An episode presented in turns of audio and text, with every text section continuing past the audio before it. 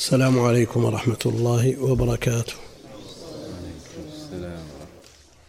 الحمد لله رب العالمين وصلى الله وسلم وبارك على عبده ورسوله نبينا محمد وعلى آله وأصحابه أجمعين. أما بعد فيقول الإمام المجدد رحمة الله عليه باب ما جاء في اللو تقدم الكلام على الترجمة في الدرس الماضي ذكرنا أن لو حرف حرف امتناع الامتناع وأن ال هذه لا تدخل إلا على الأسماء فهي من علامات الاسم دون الفعل والحرف. ودخلت هنا لأن المراد الكلمة وليس المراد معنى الحرف. الكلمة هذا اللفظ. إذا أريد اللفظ فهو اسم يسند إليه. مثل ما قلنا في الدرس الماضي إذا قلت من تجر الأسماء أو من حرف جر فيكون إعراب من ها؟ مبتدأ. مبتدأ لأنه لا يراد الحرف. أردت الحرف قلت من حرفي. لو أردت الحرف حرف الجر لجررت ما بعده. وأنت الآن تقول من حرف جر. فليس المراد الحرف لذاته وإنما يراد لفظه كما هنا. وذكرنا في الدرس الماضي أن ال حرف التعريف أو اللام فقط. يقول لام التعريف. طيب إذا كانت اللام للتعريف فالألف التي قبلها ماذا تكون؟ يقول ال حرف تعريف أو اللام فقط. صلة يتوصل بها إلى النطق باللام الساكنة. الحرف تعريف أو اللام فقط فنمط عرفت أو, عر أو فنمطا عرفت قل فيه النمط. أو نمط عرفت قل فيه النمط يجوز الوجهان. انتهينا من هذا. يعني ما جاء في هذا الحرف من النهي كما سيأتي في نصوص الباب. ولو هذه يعترض بها على الشرع ويعترض بها على القدر. لو شاء الله ما أشركنا ولو فعلنا كذا لما حصل كذا كما سيأتي بالآيات والأحاديث. والعامة أحيانا وأشباه العامة يعترضون بها على الأدلة. فتجده إذا قيل له هذا العمل لا يجوز بدليل كذا قال الإمام الفلاني يقول يجوز. تقول له الدليل في البخاري يقول لك ولو ولو. هذا من استدلالات العامة. لثقتهم بشيوخهم وهذا موجود في الأقطار كلها. تجده يزاول الشرك وتقول له الدليل كذا. يقول العالم الفلاني يقول كذا يعارض به الدليل. ثم يعلل ويبرر بتبريرات مثل ما يبرر غيره. لكن الناس يتفاوتون. أحد يبرر للشرك أحد يبرر للمحرم أحد يبرر لهوى النفس والمكروهات وهكذا. وقول الله تعالى يقولون لو كان لنا من الأمر شيء ما قتلنا هاهنا. المنافقون المنافقون لما خرج النبي عليه الصلاة والسلام إلى غزوة أحد وخرج معه المؤمنون ورجع من رجع من المنافقين يقولون لو كان لنا من الأمر شيء ما قتلنا هاهنا لو لم تحضروا إلى هذه البقعة ها هنا. وآجالكم قد حانت ومددكم في هذه الدنيا قد انتهت. ما الذي يكون؟ ها؟ سيموتون. سيموتون. ما ما تنفع كلمة ولو أو لو. في حوادث سيارات أو طائرات. مما هو واقع. تجد شخص تفوته الرحلة. ويحصل للطائرة ما يحصل. من الخلل وتسقط ويموت جميع من فيها. هذه واقعة. لما سقطت الطائرة ومات جميع من فيها ذهبت الأم لتوقظ ولدها فتخبره وتهنئه بالسلامة لأنه لم يكن معهم فوجدته ميتا في فراشه. ولو كنتم في بروج مشيدة ولو كنتم في بروج مشيدة. ذكر الحافظ ابن كثير قصة حول هذه الآية في سورة النساء. قال كان عبد غلام عند أسرة يخدمهم مولى لهم. لما حانت ولادة الأم قالت لهذا الغلام اذهب فأتي بالسكين. من أجل إيش؟ قطع السرة. هذا الغلام قد رأى من قبل قد رأى من قبل أن هذه المرأة تأتي ببنت وهذه البنت تزني مئة زنية وسوف يتزوجها هذا الغلام هذه البنت. فما كان منه إلا أنه لما أحضر السكين بقر بطنها. لئلا تتحقق الرؤيا. وهرب. عاد بعد عشرين سنة بعد أن صار ثريا وغلب على ظنه أو جزم بأن القصة نسيت. ما في أحد يعرف تلك القصة. بنت بقر بصرها وماتت وانتهت. لما عاد إلى البلد قال لامرأة كبيرة في السن صار من الأثرياء. صار له ثروة كبيرة فقال لها ابحثي لي عن أجمل بنت في البلد. فبحثت فوجدت له. خطبها وتزوجها ودخل بها. فرأى أثر الطعن في بطنها. من تتمة الرؤيا أنك سوف تتزوجها وسوف تموت بسبب العنكبوت. هذه البنت تزوجها ورأى الأثر في بطنها وسألها عن قصتها فقالت ذكرت القصة الحاصلة كان عندنا عبد وفعل كذا وكذا وهرب.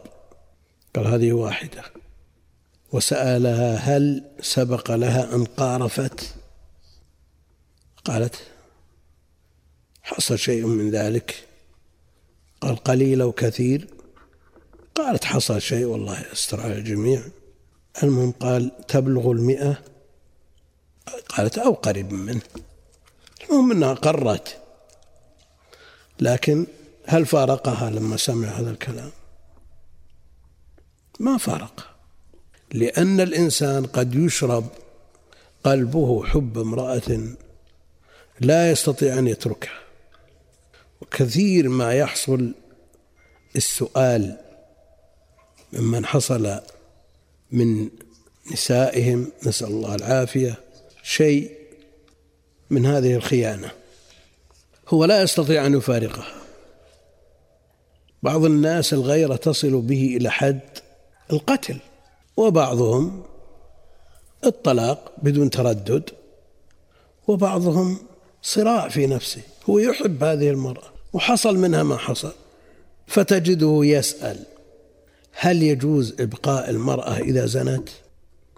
الجمهور على أنه أو عامة أهل العلم على أنه يجوز بعد أن يستبرئه.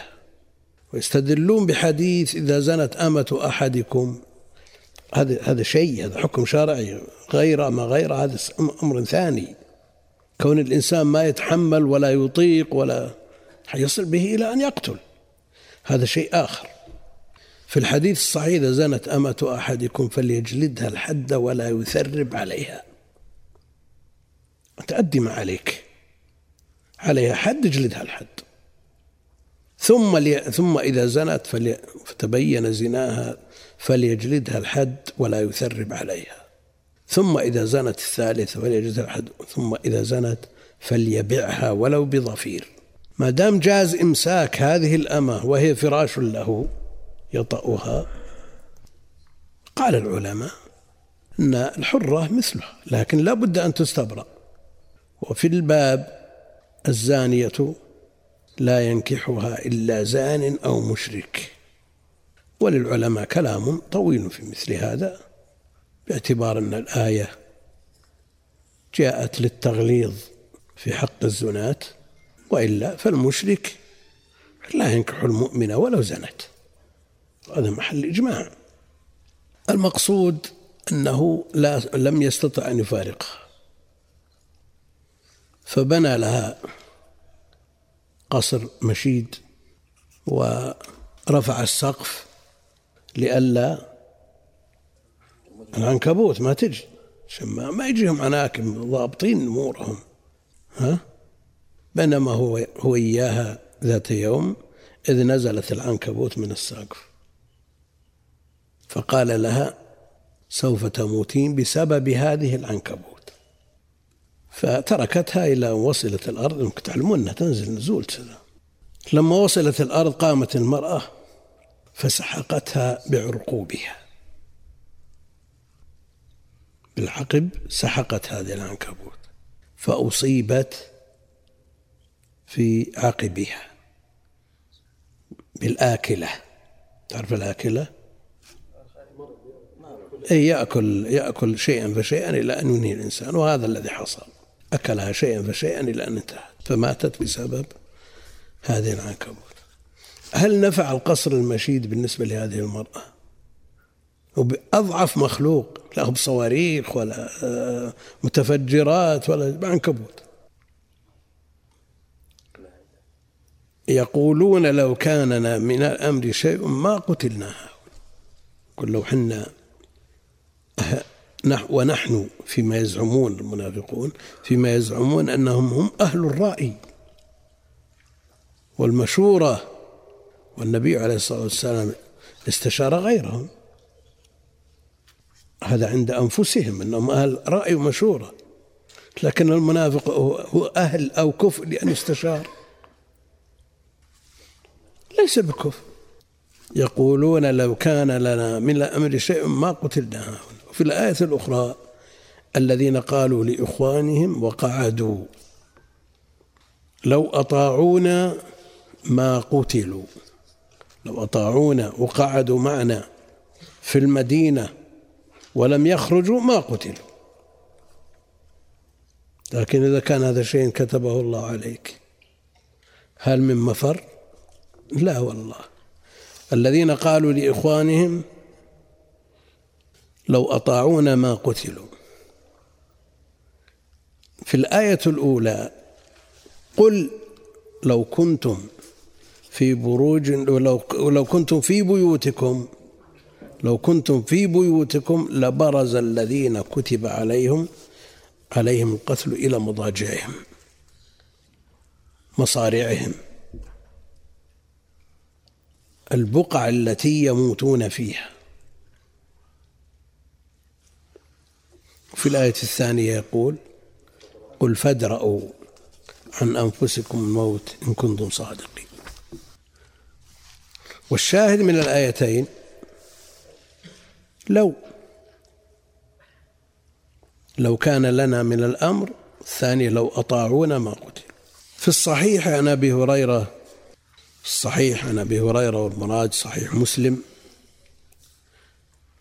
رضي الله تعالى عنه أن رسول الله صلى الله عليه وسلم قال احرص على ما ينفعك.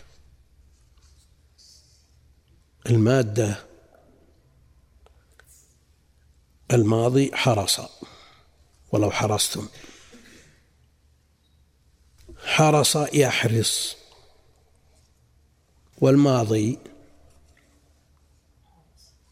ها؟ المضا... الأمر ها؟ إيه لأنه هو المضارع المجزوم. إذا أردت أن تشوف بناء الأمر فاجعله مضارعا مجزوما. تقول لم يحرص وهنا احرص على ما ينفعك. قبل هذه الجملة في الحديث حديث مختصر. في الصحيح المؤمن القوي خير وأحب إلى الله من المؤمن الضعيف وفي كل خير. المؤمن القوي القوي في إيش؟ ها؟ إي لأن المؤمن فيه وصف مؤثر وهو الإيمان. فالقوة قوة الإيمان لا قوة البدن. ها؟ وشو؟ البدن. إذا كان في مقدوره أن يزيد في قوته في بدنه أو يدفع الأمور التي تضعف البدن تصير مطلوبة. لكن الأصل قوة الإيمان. والشجاعة شجاعة القلب. هي بشجاعة البدن والقوة قوة الإيمان. كم من واحد من الجثث الكبار وقد رأيت شابا فتيا سمينا طويلا يلاحقه طفل بجراده ويدور على سور الفلة دوران. ان شاء الله هذا الحاصل. أنا أهرب من الصلصة. أنت ما أنت مقياس أنت يا برضوان أنت.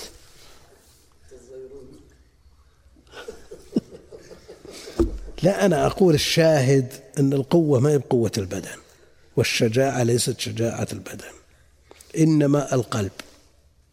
هو الذي بالفعل يقدر الأمور قدرها ويقدم في موضع الإقدام ويحجم في موضع الإحجام. كم رأينا من شيخ كبير في الثمانينات والتسعينات بل قد يناهز المئة ويقف وراء الإمام الساعة كاملة. وشاب في الثلاثينات أو قبل الثلاثينات أول ما يدخل المسجد يسحب الكرسي. أو يخرج من المسجد يقول الإمام يطول. ويقف يسولف عند الباب إلى أن يطلعون الناس. هذا الحاصل لأن التعامل في الحقيقة للقلب. تعامل للقلب. قد يكون البدن في عاهة في شيء الحمد لله وسع الله. صل قائما فإن لم تستطع فقاعدا. المقصود المؤمن القوي يعني في إيمانه والبدن يأتي تبعا. إذا كان في قوة أو ضعف هذا يأتي تبعا. المؤمن القوي حب خير وأحب إلى الله من المؤمن الضعيف. وفي كل خير ما دام الوصف موجود الذي هو الإيمان الذي يوصلك إلى جنات الله ونعيمه في خير على كل حال. وفي كل خير أحرص على ما ينفعك سواء كان في أمر دينك أو دنياك. افعل ما ينفعك مع الحرص وليس هذا من الحرص المذموم. جاءت النصوص بذم الحرص على الدنيا لكن قال على ما ينفعك. فاللي ينفع كله خير بخلاف أمور الدنيا التي فيها الخير وفيها الشر. جاء النهي عن الحرص عليها. واستعن بالله. يعني مع حرصك لا تعتمد على قوتك وحولك وطولك. استعن بالله. ونجد من يخططون للمشاريع على كافة المستويات ويبحثون مع كبار المنظرين في أمور الدنيا ويدرسون الجداول الاقتصادية. كثير منهم يصدر النتائج قطعية ثم النتيجة لا شيء. إذا لم يستعن المرء بالله جل وعلا ما نفعه تخطيطه. ولا تعجزن. ولا تعجزن. عجز عجزت أن أكون مثل هذا الغراب. يعني مثل حرصة في الوزن. يعجز. ها؟ ها؟ يعجز. لا. استعاذ النبي عليه الصلاة والسلام من العجز والكسل والجبن والبخل في أوصاف أخرى ذميمة لكن منها العجز. تجد الإنسان تفوته مصالح الدين والدنيا وهو عاجز كسول ملول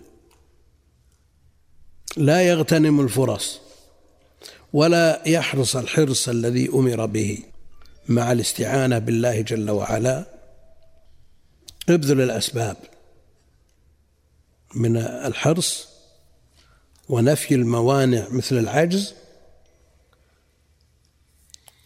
إذا حصل خلاف ما توقعت وأصابك مع الاحتياط وبذل الأسباب شيء تكرهه؟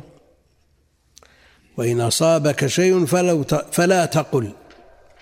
لو أني فعلت كذا لكان كذا. لو أني فعلت كذا لكان كذا وكذا. دخلت في مشروع بعد الحرص والتخطيط والاستعانة بالله جل وعلا شمرت عن ساعد جدك لتدرك هذا المشروع الخيري من أمور الدنيا والآخرة جاءت الأمور على خلاف ما توقعت ما تقول لو أني ما دخلت بهالمشروع ما خسرت. لا تقل هذا. وإن أصابك شيء فلا تقل لو أني فعلت لكان كذا وكذا. ونسخة لو أني فعلت كذا لكان كذا وكذا. ولكن ولكن قل قدر الله وما شاء فعل. وضبط هذا اللفظ قل قدر الله وما شاء فعل. بذلت الأسباب وانتفت عندك الموانع والنتيجة بيد الله جل وعلا. النتيجة بيد الله جل وعلا. أنت مأمور ببذل الأسباب ونفي الموانع. وإذا خرجت النتيجة على خلاف ما توقعت أو ما خططت له لا تقل لو فإن لو تفتح عمل الشيطان. وإن أصابك شيء فلا تقل لو أني فعلت كذا لكان كذا وكذا ولكن قل قدر الله وما شاء فعل. استسلم للقدر. في المصيبة تحتج بالقدر. هذا شيء كتبه الله عليك. هذا شيء مكتوب عليك في مصيبة. لكن لو ما فعلت الأفعال الأسباب لو أنك ما فعلت الأسباب ولو هنا ليست من ما معنا ولا أنا قلت يمنع استعمال لو في العربية كلها. لا. لو أنك ما فعلت الأسباب ولا نفيت الموانع تقول قدر الله ما شاء فعل؟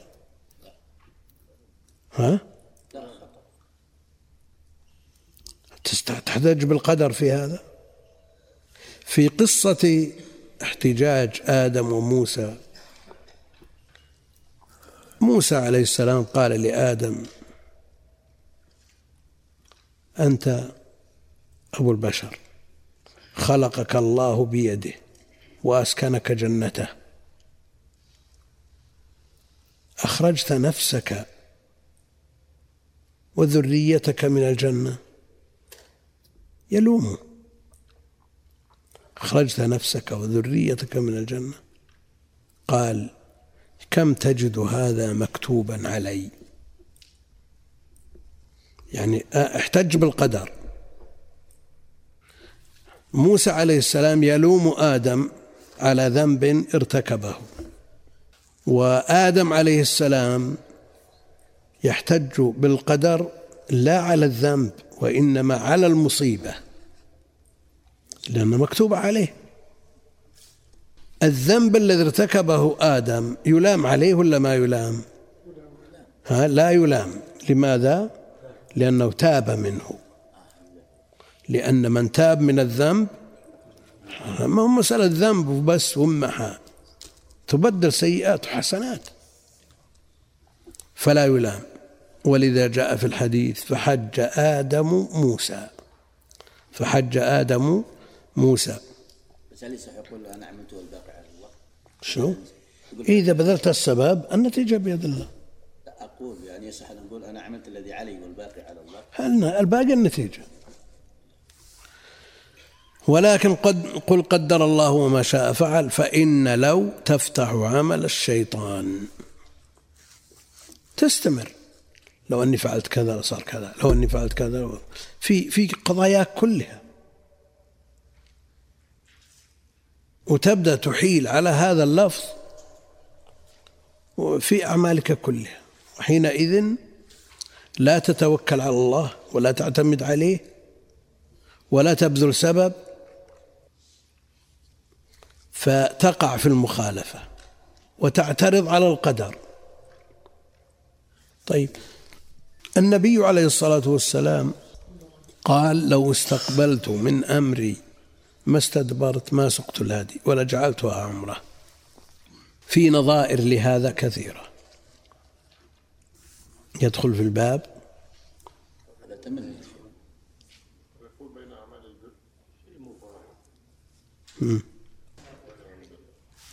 شو؟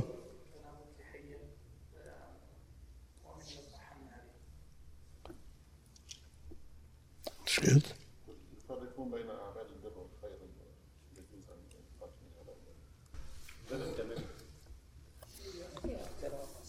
شو؟ لو اني فعلت كذا لو أنا ما تقول إلا أنه فاتك شيء. لو أني تقدمت شوي ما, ما فات. أو أو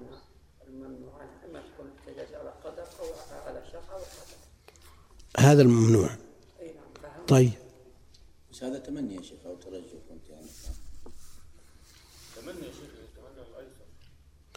تمني للخير للأفضل.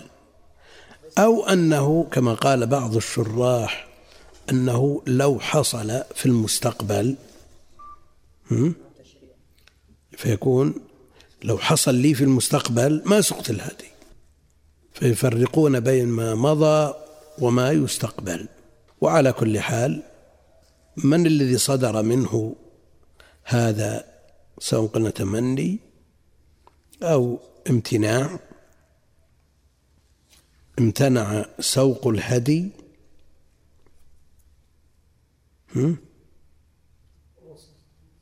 امتناع الامتناع.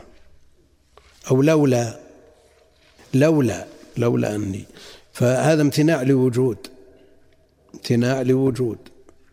امتنع فسخ الحج إلى عمرة لوجود الهدي لوجود الهدي. فهو الذي منعهم من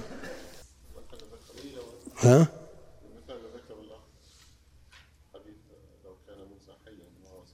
ما وسعه الا اتباعي لو كان أخي موسى حيا ما وسعه الا اتباعي في قصة عمر رضي الله عنه حينما وجد قطعة من التوراة فغضب عليه النبي عليه الصلاة والسلام وقال لو أفي شك أنت يا ابن الخطاب لو كان أخي موسى حيا ما وسعه إلا اتباعي هذا إخبار بواقع.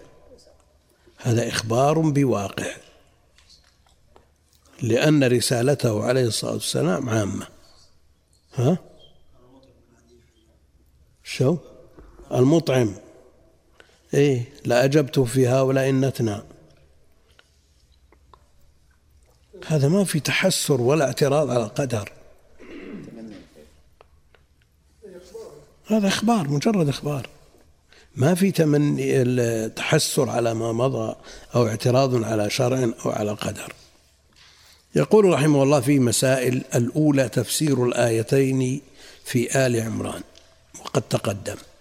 الثانية النهي الصريح عن قول لو أني إذا أصابك شيء والتعليل السبب أنها تفتح عمل الشيطان.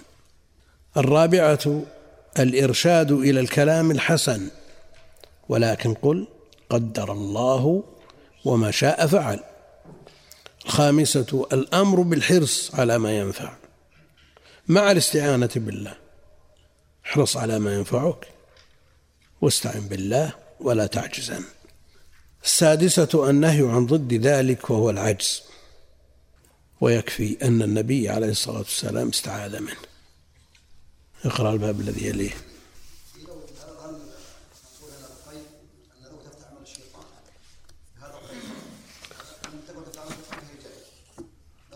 لا لا لا بد أن تفتح عمل الشيطان إذا كانت في هذا السياق.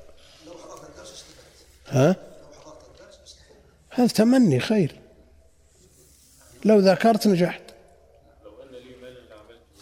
لا تمني الخير غير. نعم. بسم الله الرحمن الرحيم الحمد لله رب العالمين صلى الله وسلم وبارك على نبينا محمد وعلى اله وصحبه اجمعين اللهم اغفر لنا ولشيخنا وللمستمعين برحمتك يا ارحم الراحمين قال الامام المجدد رحمه الله تعالى باب النهي عن سب الريح عن أبي بن كعب رضي الله عنه أن رسول الله صلى الله عليه وسلم قال لا تسبوا الريح فإذا رأيتم ما تكرهون فقولوا اللهم إنا نسألك من خير هذه الريح وخير ما فيها وخير ما أمرت به ونعوذ بك من شر هذه الريح وشر ما فيها وشر ما أمرت به صححه الترمذي. فيه مسائل. الأولى النهي عن سب الريح. الثانية الإرشاد إلى الكلام النافع إذا رأى الإنسان ما يكره. الثالثة الإرشاد إلى أنها مأمورة. الرابعة أنها قد تؤمر بخير وقد تؤمر بشر. يقول الإمام المؤلف رحمه الله تعالى باب النهي عن سب الريح وهو شبيه بما تقدم من النهي عن سب الدهر لأن الدهر عبارة عن الظرف المكون من الليل والنهار والمتصرف فيه هو الله جل وعلا. والريح الله جل وعلا هو الذي يصرفها هو الذي يأمرها هو الذي يجعلها قوية شديدة باردة ضارة أو يجعلها لطيفة نافعة تلطف الجو و وتبرده فالله جل وعلا هو المتصرف فيها حقيقة وهي مأمورة مرسلة. النهي عن سب الريح الريح تأتي من الجهات الأربع الأصلية من الشمال والجنوب والشرق والغرب ولكل واحدة صفتها وخصائصها. وقد تأتي من الجهات الفرعية. فالله يأمرها فتأتي من أي وجهة تنبعث منها بأمر الله جل وعلا. والريح لها منافع كثيرة. وجاء في بعض الأخبار أنه لولا الريح لأنتن ما بين السماء والأرض. شوف المادة القابلة للتعفن. إذا أغلقت عليها في مكان لا هواء فيه أسرع إليها النتن. وإذا عرضتها للريح فإنها تطول مدتها.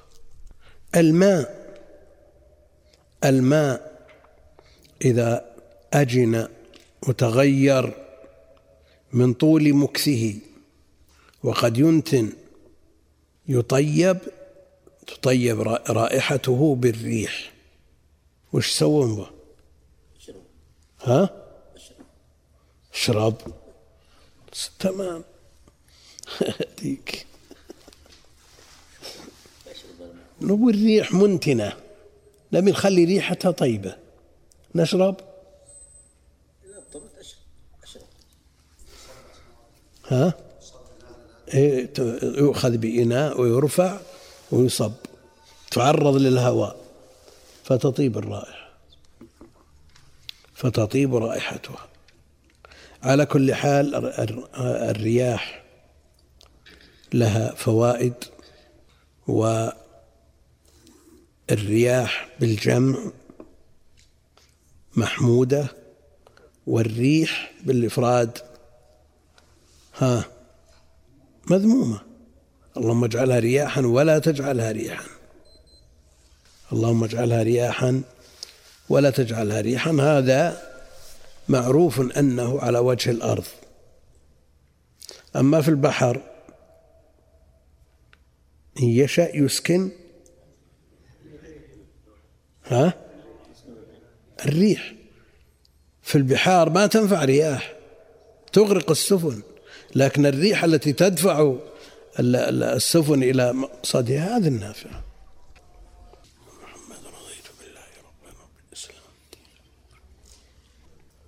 جاء عن جابر رضي الله تعالى عنه إذا أراد الله بقوم خيرا أرسل إليهم الأمطار وحجب عنهم الغبار. وإذا أراد الله بقوم سوءا أرسل إليهم الغبار وحجب عنهم الأمطار. نسأل الله العفو والعافية. هذه الرياح لها فوائد منها التلقيح. التلقيح للأشجار والثمار ومنها تنشيف بعض الأمور التي لو استمرت رطبة لا أثرت في الجو ومنها أمور كثيرة جدا وسوق السحاب وهي أيضا لواقح كما جاء وصفها. ففيها فوائد وفيها أيضا مضار. فيها مضار. والله جل وعلا مصرف لها فإذا جاء من الرياح ما يشتمل على ضرر أو ما أمر بشر لا يجوز سبه. لا يجوز أن يسب لأن المصرف لها والمدبر والآمر لها هو الله جل وعلا. فالذي يذم المأمور هو في حقيقته ذام للآمر كما تقدم في ذم الدهر. النبي عليه الصلاة والسلام ما عاب طعاما قط.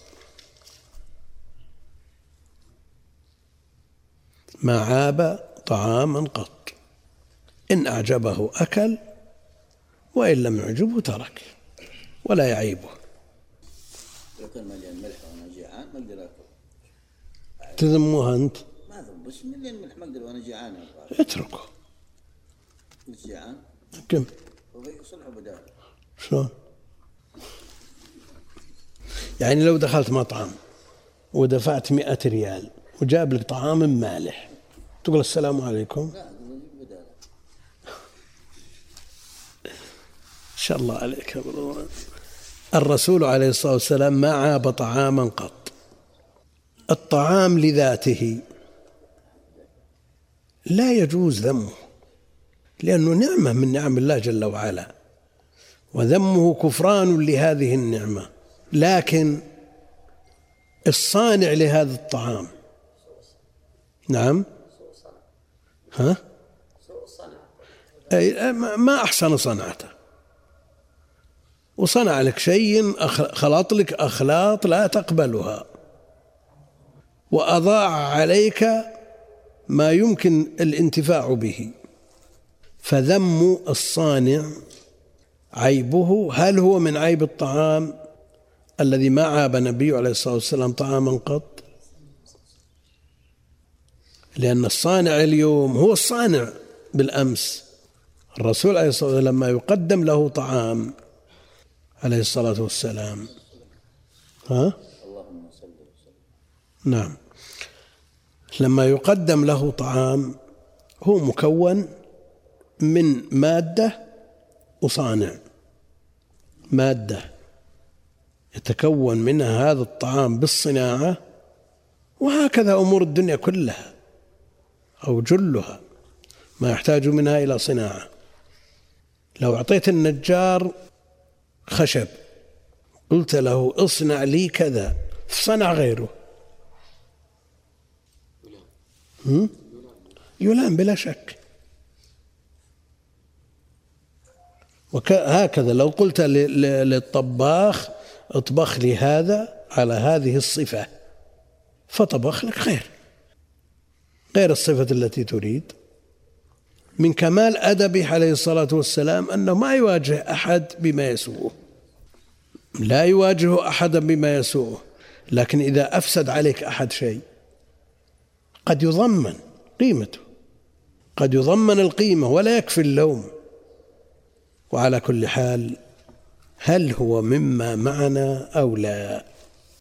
شوفوا الان الإشكال النساء تقول الرسول ما عرف طعام قط حتى لو خبر تقول ما عرف طعام قط طيب هذا اللي قصدنا يعني في البيت يقول الطعام النساء تقول لك والله الرسول ما عرف طعام طيب هذا ما هو يقول؟ الرسول ما عرف طعام كل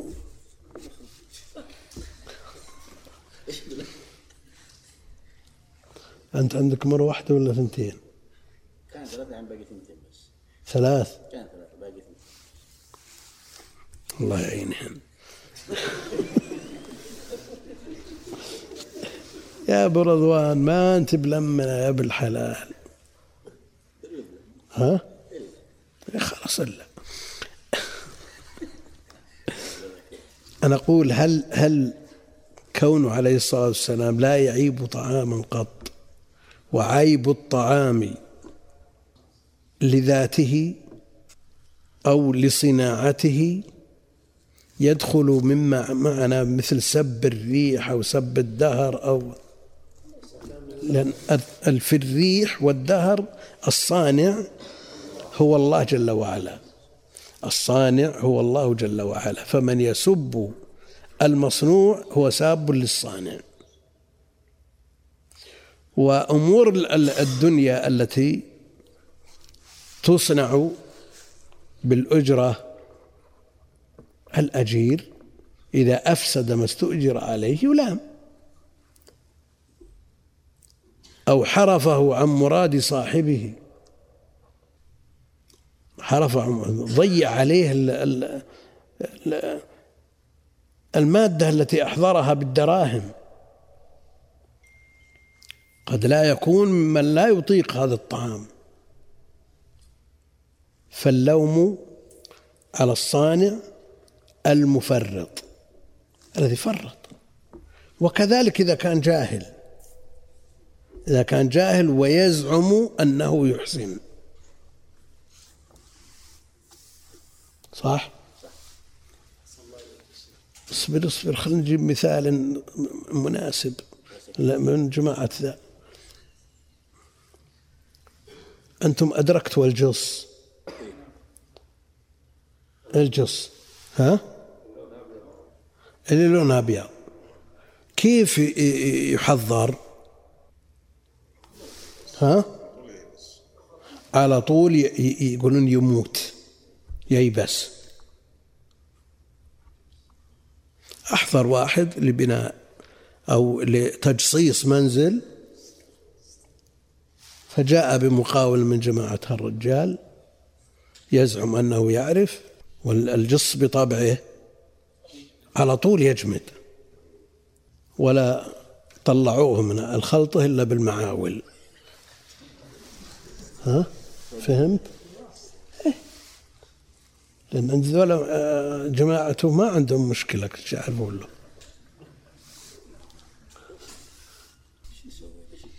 شو؟ إيش عندك؟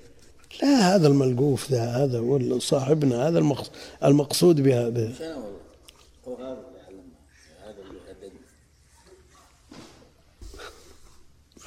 المقصود ان ان إن قد يسيء وقد يحسن فيلزمه بذل العوض لما أفسد. قد يكون المدعي يدعي طب مثلا. قد يدعي الطب وهو لا يحسن الطب فيموت على يده أناس. قد يدعي المعرفة في العمارة مثل صاحبنا ذا. ويفسد المادة هنا يلام ما يقال ما ها؟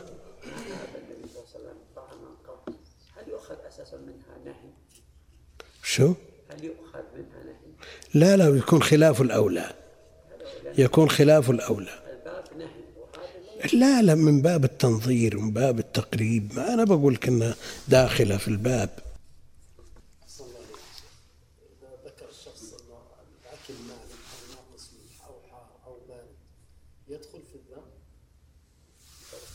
هو إذا أخذت كلام الرسول فعل الرسول على إطلاقه قلت هذا خلاف الأولى. هذا خلاف الأولى. وإلا التعليم لا يتم إلا بالبيان. يعني إذا ما قلت من طبخه الملح زايد ولا ناقص استمر على هذا. استمر على هذا وقد يضرك. تجعل فيه أشياء لا تناسب صحتك فكونه عليه الصلاة والسلام من كريم خلقه وأدبه وفعله هذا يقال فيه إنه خلاف الأولى لمن فعله. وبعض الناس ما يكفيه إنه يذم الطعام ولا يذم صاحبه ولا يذم كل من حوله من أجل هذه اللقمة التي لم يستسغها فلا هذا ولا ذاك. عن أبي بن كعب رضي الله عنه أن رسول الله صلى الله عليه وسلم قال لا تسبوا الريح. فإذا رأيتم ما تكرهون فقال فقولوا اللهم إنا نسألك من خير هذه الريح. فإذا رأيتم ما تكرهون فقولوا ها؟ إيه, إيه. إنا نسألك من خير هذه الريح وخير ما فيها وخير ما أمرت به. ونعوذ بك من شر هذه الريح وشر ما فيها وشر ما أمرت به. في أحد مطلقة. ها؟ فيها مطلقة. فيها مطلقة. لا خير ولا شر. مجرد ما ترى اسأل. والنبي عليه الصلاة والسلام إذا رأى الريح ها؟ تغير. وخرج ودخل فإذا أمطرت سري عنه والرسول عليه الصلاة والسلام يقول يقول نصرت بالصبا وأهلكت عاد بالدبور وأهلكت عاد بالدبور ها؟ من تجي؟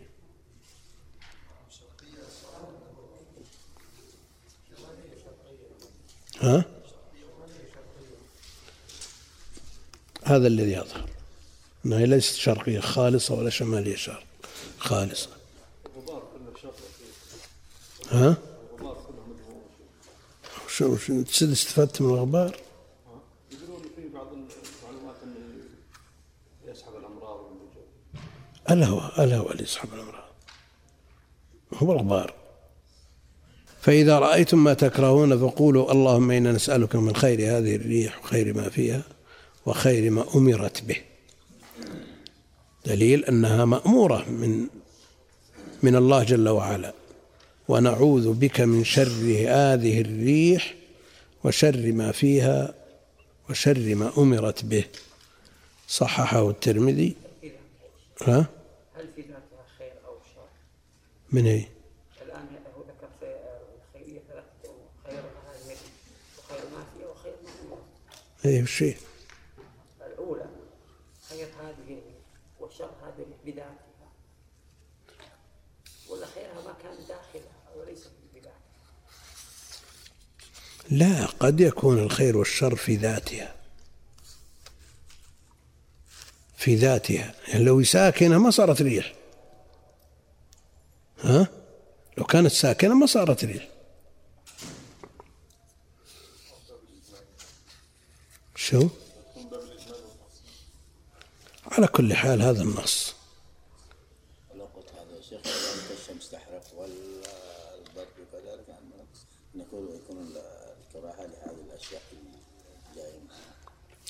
أن تؤمر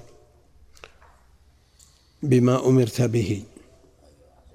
إذا إذا آذاك الحر لك وظيفة. إذا أشتد عليك البرد لك وظيفة.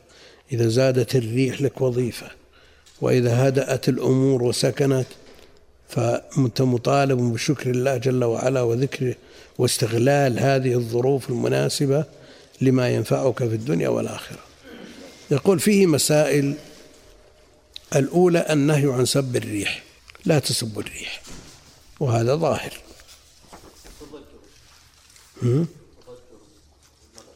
التضجر سب فعلي. سب فعلي.